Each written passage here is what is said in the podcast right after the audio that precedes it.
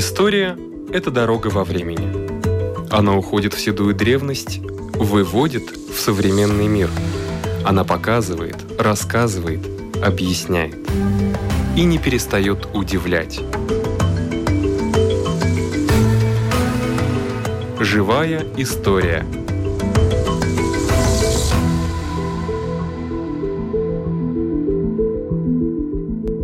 У микрофона Лидия Чера.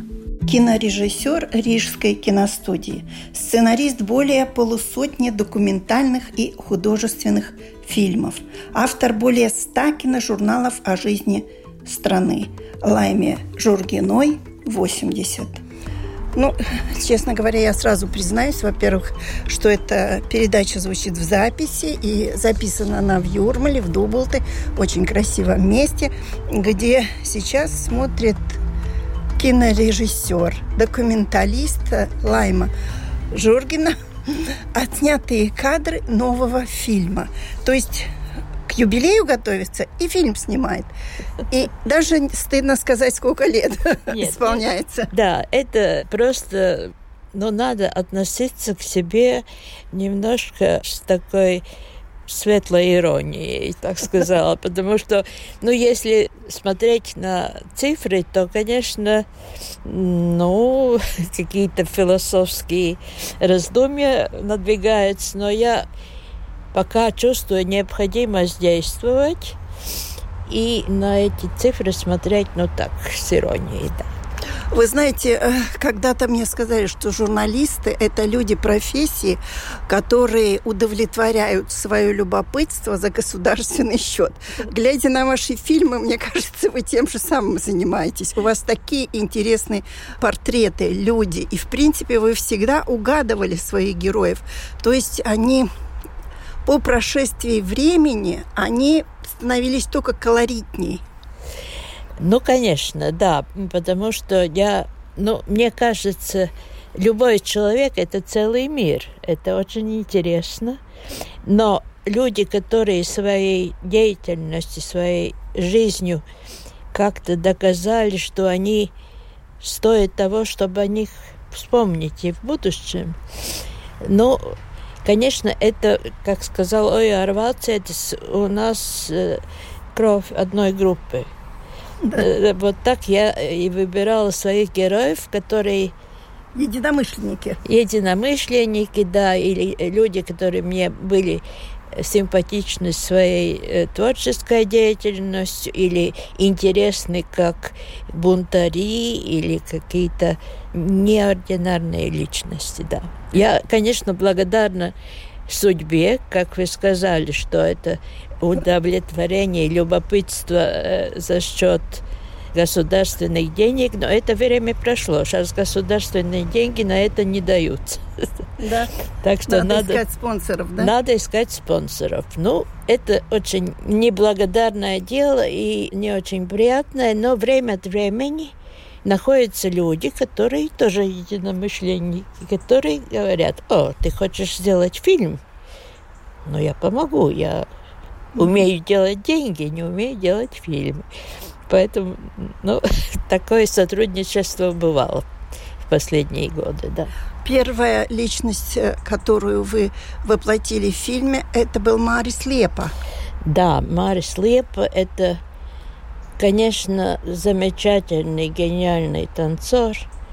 И я впервые, посмотрев балет «Спартак», где он играл отрицательного главного героя Краса, я была потрясена, потому что, ну, обычно балет – это «Лебединое озеро», там «Спящая красавица», это балет э, женской красоты и грации.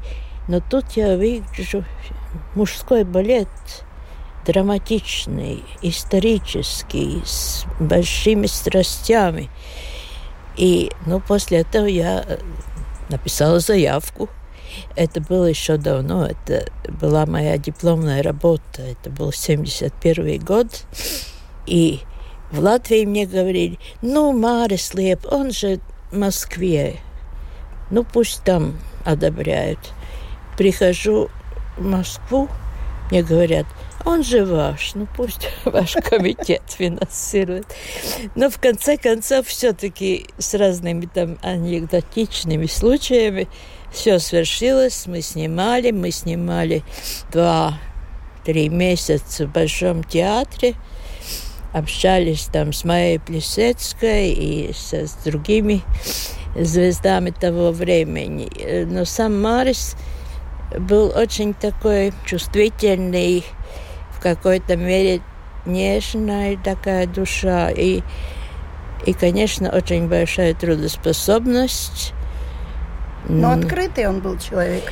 Э, Легко с ним было говорить? Да, да. Ну, мы сразу как-то так нашли общий язык, и даже после фильма мы долгие годы общались, и я видела все эти перипетии, как жизнь сложилась в дальнейшем не так удачно, и он сравнительно рано ушел из жизни, но просто для меня это очень такой человек с большим влиянием на мое понимание балета и не только балета, да. Но в него влюбиться можно было. Э, не было такого ощущения? Вот характерно, что как-то вот такой личной симпатии но они бывают, но я всегда считала, что нельзя путать работу с личным отношением и придерживаюсь этого до, до сих, сих пор. Да. до сих пор, да. Но было интересно, да. Да, было интересно. А в этом году исполняется 90 лет двум нашим поэтам да. эпохи. Иманту Зедонис и Ойеру Вацетис. Да. И об обоих вы делали фильмы. Да, конечно. Я бы сказала, что я чувствую сейчас очень сильно отсутствие духовных лидеров. Вот такими являлись и Ояр, и Имант. Они умели почувствовать и выразить самые такие важные э, и общественные вопросы, и в то же время очень личностно. Это сделать ну, ввиду своего таланта. Я уже говорила, что Ояр говорил, что у нас кровь одной группы. Да. И с ним было очень легко и очень... Третий наш э, соучастник был Юрис Подникс, который был еще молодым оператором. И мы в доме Ояриса Вацетиса, мы чувствовали, какие школьники в общей игре какой-то. Мы дурачились и придумывали какие-то такие вещи – это для того, чтобы найти изобразительные какие-то моменты? Ну, просто, например, у Эйрса в это время был в доме капитальный ремонт. И на террасе стоял стол, на столе был глобус.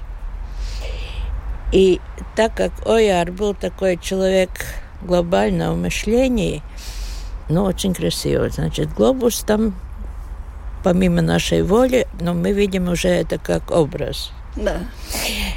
И я не помню, по какому поводу мы принесли ему голубей. А он считал птицы. Я знаю, я была в этом э, музее, у него была такая, ну, я не знаю, манера, интерес. Он да. смотрел через окно и записывал птиц. Да. Ну, мы принесли ему голубя, по-моему, да. одного. И он сразу сел на этот глобус. И получился такой, ну, почти как у Пикассо голубь мира. Так получился э, вот в этом на террасе такой, у Ояра, да. И, ну, например, не будет же он писать стихи в присутствии киногруппы. Это абсурд. Но я хотела, чтобы он какой-то момент все-таки сел. Тогда не было компьютеров, тогда да. была пишущая машинка. Он сидит, пишет. Я еще разбросала такие листочки, как то, что отбрасывается ненужный вариант или вообще это дорога поэт и так далее. Снимаю, потом Ойар показывает, что он написал в это время на этой машинке. Он написал, тут двое инквизиторов мучают меня. Да, примерно в таком духе. Да. С чувством юмора. Да, ну, с чувством юмора. Но там были очень неблагоприятные обстоятельства, потому что был этот капитальный ремонт. Было дано только 10 минут. Ну, рассказать о гении в 10 минутах сложно. Я для самосознания всегда очень копаюсь глубоко в этом материале. Я прочитала все сборники Ояра. До этого времени поняла, что в какой-то момент у него было какое-то личностное ну, перелом в жизни. Потом выяснилось, что это была такая несчастная любовь к одной актрисе. И ввиду этих обстоятельств, что был этот ремонт и что было 10 минут, это значит и ограниченное время съемок, я ну, нашла такое концептуальное изложение. И в этих 10 минутах старалась какой-то существенной, существенную линию осуществить.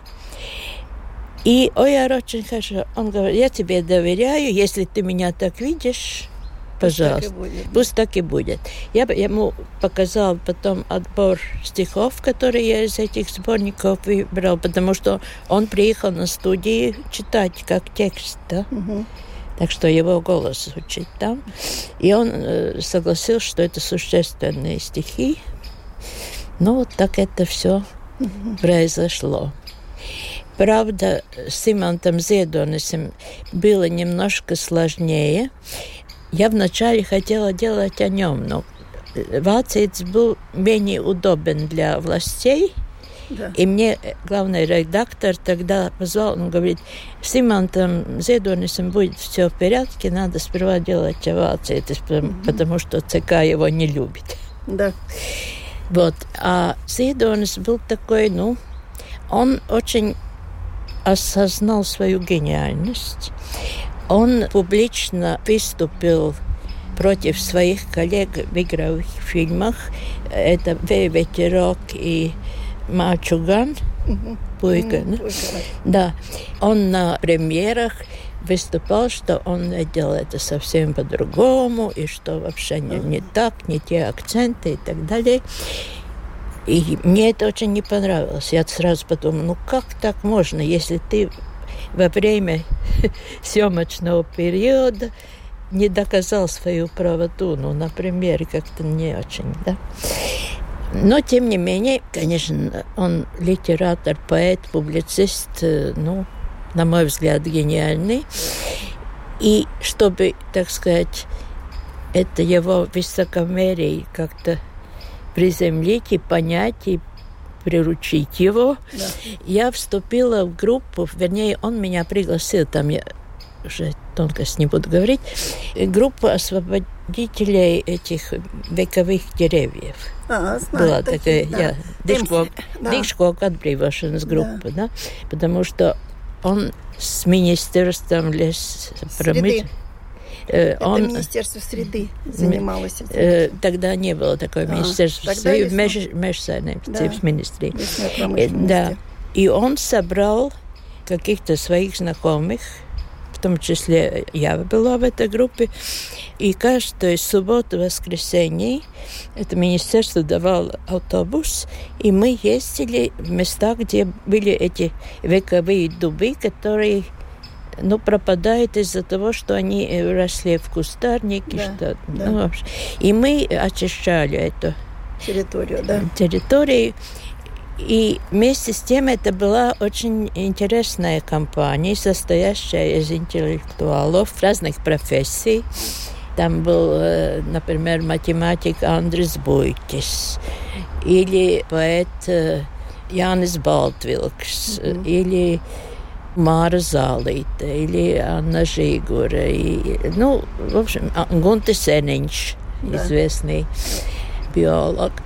И, значит, в такой веселой компании мы занимались физическим трудом, что тоже полезно для тех, кто сидят за письменным столом.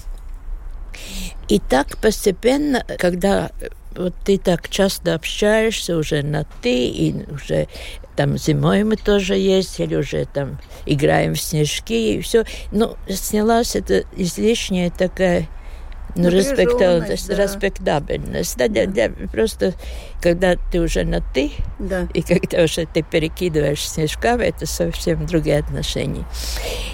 И потом я просила Ой, Валцетиса, ну, не согласен ли написать он сценарий, потому что они все время перезванивались. Он говорит, знаешь, Лайма, я, наверное, воздержусь, потому что мы с Имантом, значит, ой, Имант, что мы всегда, когда есть какие-то решающие вопросы для писателя или такие политические, общественные, мы идем тандемом. Mm-hmm. И будет нехорошо, если я буду за него, ну, на него да, писать да. сценарий. И я, вспомнив эти выступления Зедониса, где он работал в этих игровых фильмах, я думаю, как бы мне его нейтрализовать так, чтобы он был доволен.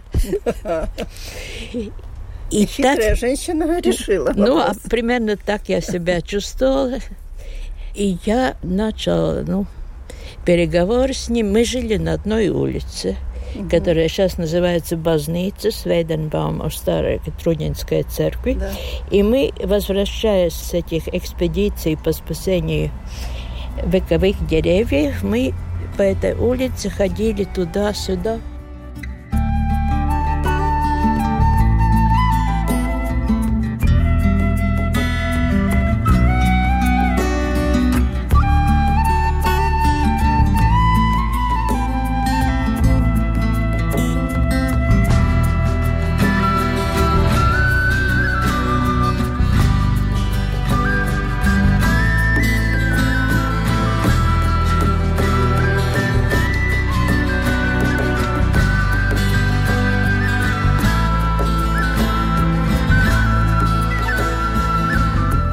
Я ему предложил, я говорю, ну, давай думать, как мы будем Решать, делать как конструкция этого фильма. И мы так, и так. И мне очень понравилось его ну, эпифании. Да. И как-то мне как э, напоминало зеркало Тарковского описание, как он в детстве выходит там угу, на рассвет. Угу. И...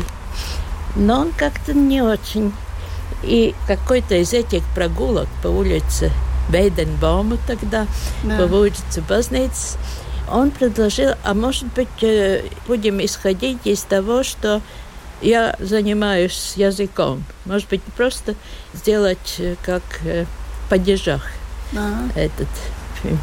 И я сразу поняла, что это очень такая точная конструкция, ясная.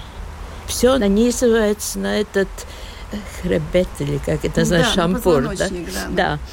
И так мы уже дальше шли, поэтому стали думать, что такое номинативус. Ну, значит, он сам, да? да? Он говорит, у меня есть коллекции, которые мне подарил друг из Молдавии. Он говорит, «Э, если будем делать э, фильм, то я как бы снимаю маску. Ага. Ну, как бы, так да, сказать. Да, да. Вот, хорошо, я соглашаюсь. Потом мы стали думать, вот, что такое генитивс, дативс и так далее. Да, да. И я думаю, что это такая действительно форма, которая со соответствует, да. соответствует сущности зедоnis. Угу, действительно, угу. это филологический подход, скажем так. И что он позволяет абсолютно все на это нанизывать, нанизывать да. И, конечно, были такие ситуации. Вышла тогда такая маленькая книжка «Пассаж», где были, ну, такие короткие стихи, скажем, да. Иманта, и рисунки Курта Фридрихсона. Mm-hmm. Он говорит, да, но я там отобрала эти стихи, которые хотел. Он говорит, да, но, но мы же не можем уехать на Сахару, на пустыню, которая была бы идеально. Я говорю, ну, я придумаю. И я повезла этих двух ребят, скажем так. Поэтов. Да, художники и поэты, повезла Куршу Капус да, в Литву. Да, да, да, да. И это такой один из любимейших моих эпизодов, что мне удалось ну, сделать визуально такой адекватный эпизод этим, э, этим, э, двоим. этим двоим художникам, да. И я так подумала, но это, наверное, сейчас я бы подумала, удобно ли или как. Но тогда я была очень одержима своим видением, и я их отвезла туда насильно, можно сказать. Но э, молодость смела.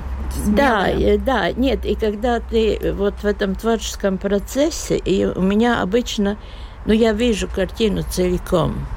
Мне mm-hmm. очень важно атмосфера, настроение. Я очень ориентируюсь на изображение больше, чем на литературу. И поэтому мне важно, где это снимается, как это снимается, кто это снимает. И, конечно, это повествование, как это будет ну, посыл или... Посыл, да. Э, посыл, э, ну, vēstījums. Ну. ну, это направление, посыл, да. Да.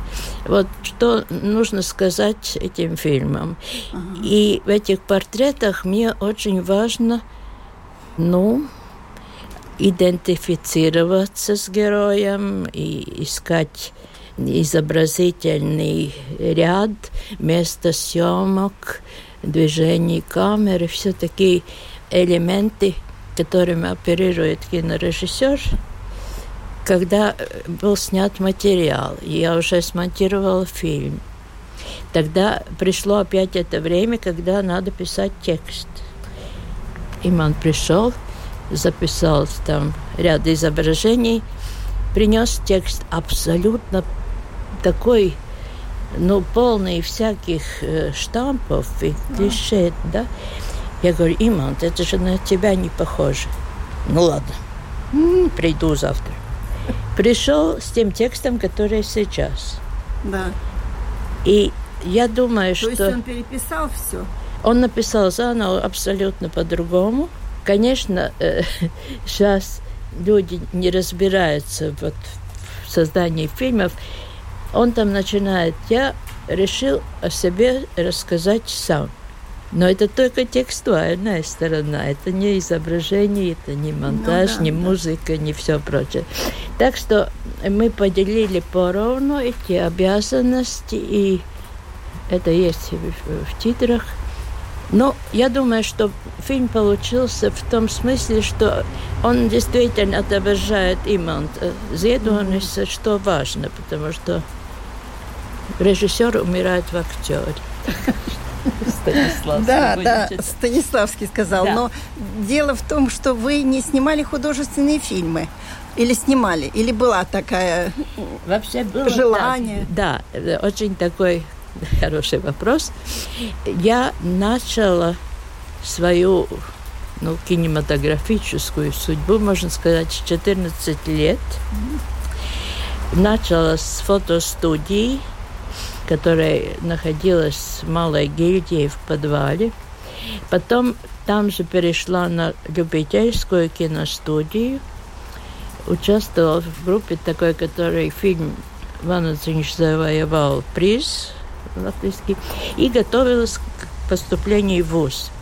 И, конечно, изначально моя мечта была делать игровое кино – и все мое любовь к кино началось с такого бельгийского фильма, который можно найти в интернете, но это уже давний фильм. Назывался он «Чайки умирают в гавани». Ну, не знаю такого. Да, ну вот мое поколение наверняка помнят и те, которые еще постарше, потому что это была такая очень трогательная история. Ну, не буду Ладно, рассказывать, не да, да. да. Это, э, но когда пришло мое время поступать в ВГИК, в этом году не было набора в игровом кино. И там была очень такая сложная система. Сперва надо было посылать творческие работы. Да. Потом комиссия там отбирала и приглашала mm-hmm. на экзамены или нет. Вот этот отбор уже все равно конкурс был огромный. Потом я были в том году на режиссерский факультет или телевизионный режиссер, или документалисты. Но я думал, я попробую. Конкурс большой, я буду на следующий год знать, да. что требуется. Но я с первого раза попала. Я, наверное, там рассмешила комиссии, были там такие, играла этюды, экскурсии, все. И я попала на этот курс документалистов, который набирал Леонид Кристи, хороший режиссер. Его отец был директором Третьяковской галереи, он тоже был на искусство так ориентирован. Да. И мне говорили, ну потом перейдешь на актерский в пределах Э, в ГИКа да. это возможно. Но когда я начала заниматься, во-первых, процесс обучения мало чем отличался. У нас также было и актерское мастерство, и техника речи, и прекрасные педагоги из МХАТа. Mm-hmm. И мне вдруг показалось более интересно это соприкосновение с реальной жизнью. Документ, документальность. Ну, я вообще немножко не считаю, что это сплошная журналистика. Там есть свои художественные приемы, и художественные задачи, и такое художественное документальное кино, конечно, отличается от простой информации. Это вам не ТикТок. Я не знакома с этим каналом, хотя он у меня есть.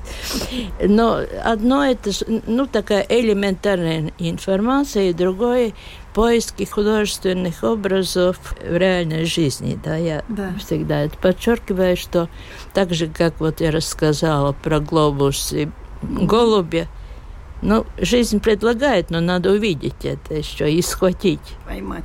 Да.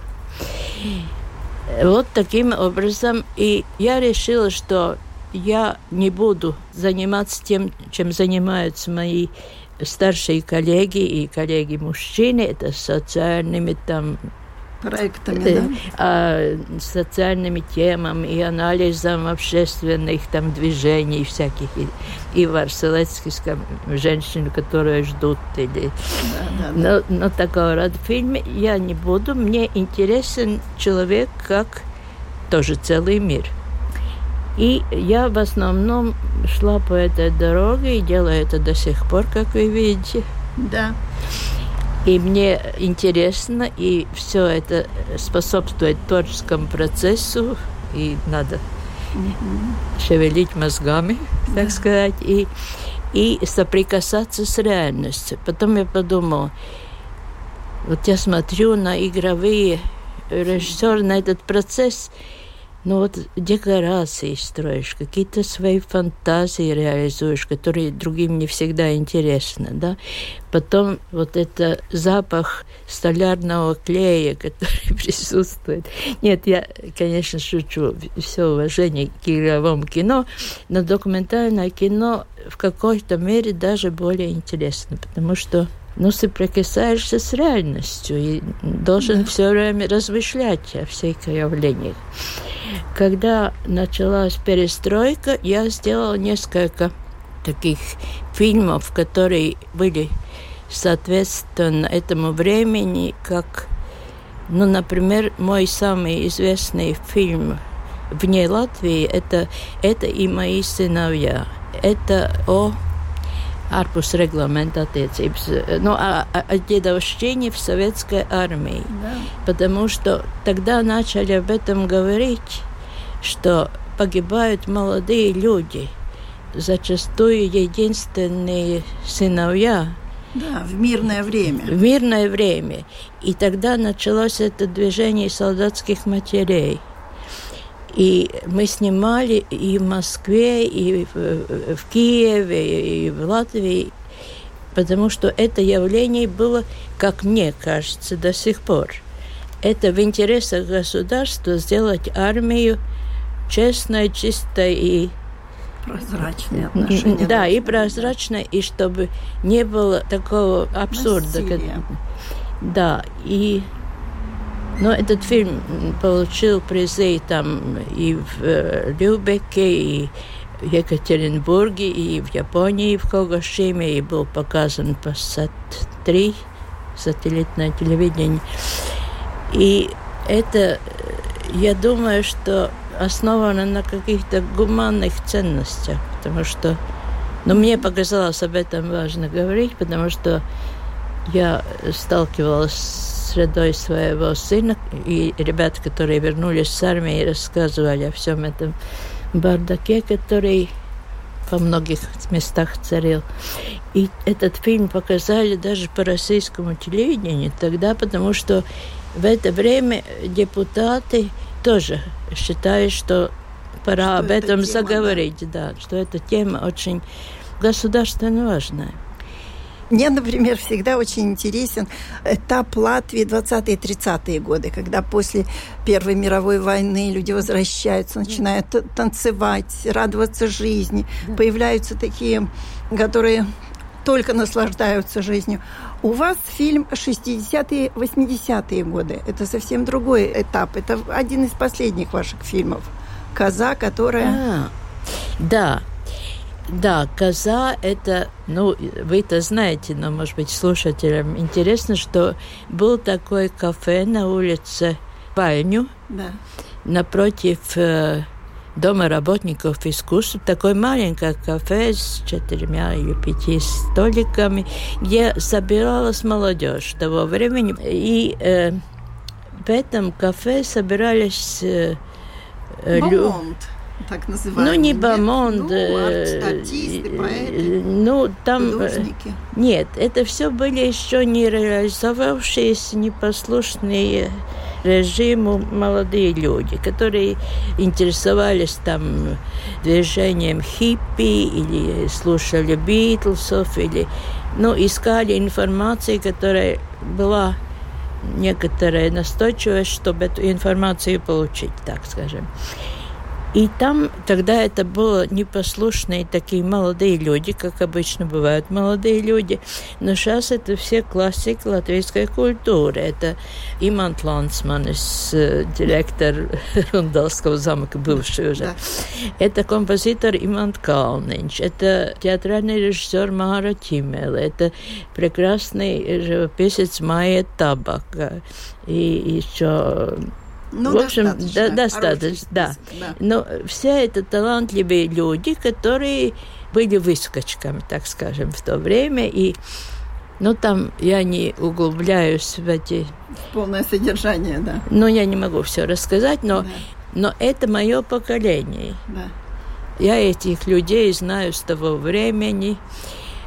И, ну, это, в принципе, рассказ о моей молодости и о том, каким выводом эти люди пришли сейчас. И мне кажется, что это как исторический документ, опять же, важно, потому что, ну, например, умер Улдс Берзенч, который тоже один из героев да. этого фильма, который был уникальной личностью, потому что он закончил... Э, да, много языков знал. Э, да, он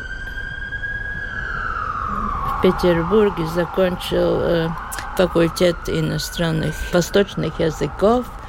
Он, он переводчик. Да, он переводил Библию, он переводил Коран, Коран он переводил стихи разных национальностей. Он и Кнут Скуйнекс, они двое были такие полиглоты, которые очень много дали ну, информации о творческих течениях и личностях в других странах. Вот он тоже герой этого фильма. И, ну, мне кажется, что важно, что я называю это ухватить время за хвост. Прекрасно. Потому что, ну, время уходит, уходят люди, уходят свидетели реальной истории, приходят люди, которые придумывают какую-то свою историю.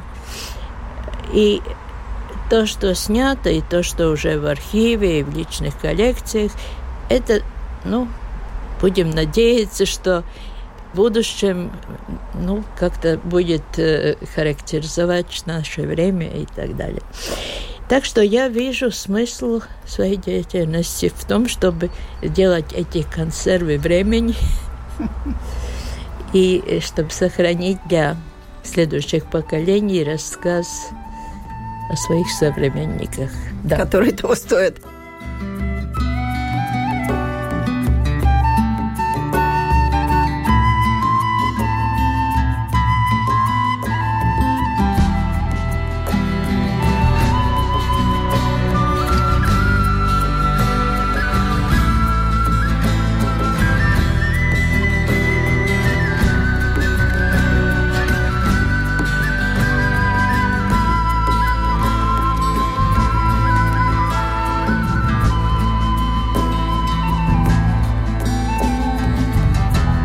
Я работаю сейчас над двумя фильмами, которые без финансирования. Э, надеюсь, что удастся закончить.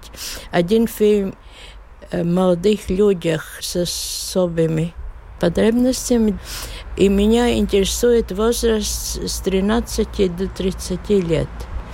И я нашла таких прекрасных героев, которых я э, люблю уже. Вообще своих героев надо любить, это тоже важно. Да, да. Да.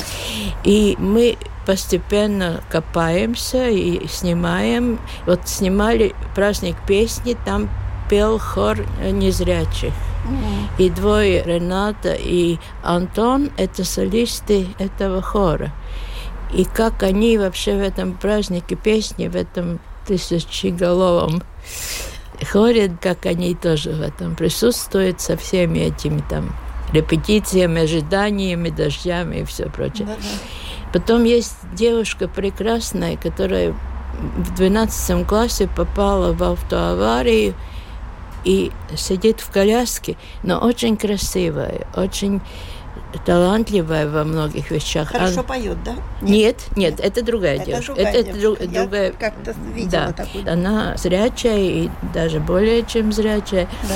И у нее очень интересная история. Она, конечно, пережила эту драму всю и физическую, и сердечную боль, но она встретила человека, который отнес ее на руках к алтарю. И так мы поехали снимать. И на этом месте встречи мы встретились. Значит, этот ее муж Алекс, это она, Анна, и еще белая собачка которая в кино считал, что надо белую собачку, которую комиссия вырежет, потом оставить то, что нужно. Но потом оказалось, что этот мужчина прекрасный, что он трубочист. Это как в сказке, принес счастье. И второй фильм? Второй фильм, там, где мы находимся, это дом, легендарный дом четырех братьев Озолинч, которые все были известные врачи. Но я делаю сейчас по материалам, собранным семьей и в архивах найденных, и интервью современников, я делаю фильм о Леополде Озолинч, который меня очень всегда притягивает художественный темперамент. Мне часто кажется, что в Латвии у многих не хватает именно этого темперамента, да. этого драйва такого, чтобы ну, повлиять на окружающих своей личностью, своей персоной. И Леопольд Озолинч, который был очень многосторонним человеком. Но, ну, во-первых, он был прекрасным врачом, дерматологом, специалистом по ожогам. Да он импульсивно кидался и на землетрясение в Армении со своими препаратами. Он поехал в Уфу, когда там была железнодорожная катастрофа. Помните такое, да? да? Но кроме... У него была, сам изобрел мазь он изобрел аэросоли, которые да, покрывают да, ожогов, да. да. Но кроме этого, он оставил целые коллекции фотографий. Он занимался живописью, он очень хорошо пел, он танцевал, он вообще... Э, Энергии было на десятерых. На десятерых. И просто не хочется, чтобы о нем забыли. Он все-таки был в политике, он занимался да. защитой природы, он добивался признания независимости Латвии Верховном Совете СССР. Так что он многое сделал, он историческое лицо. И хотя его уже нет в живых, я его застала, но это были уже последние годы его жизни, что меня до сих пор это очень впечатляет. Такие люди такого типа, которые многогранный, настойчивый, темпераментный. Я за такие личности, да. Спасибо. У нашего микрофона была кинорежиссер, документалист Лайма Жургина.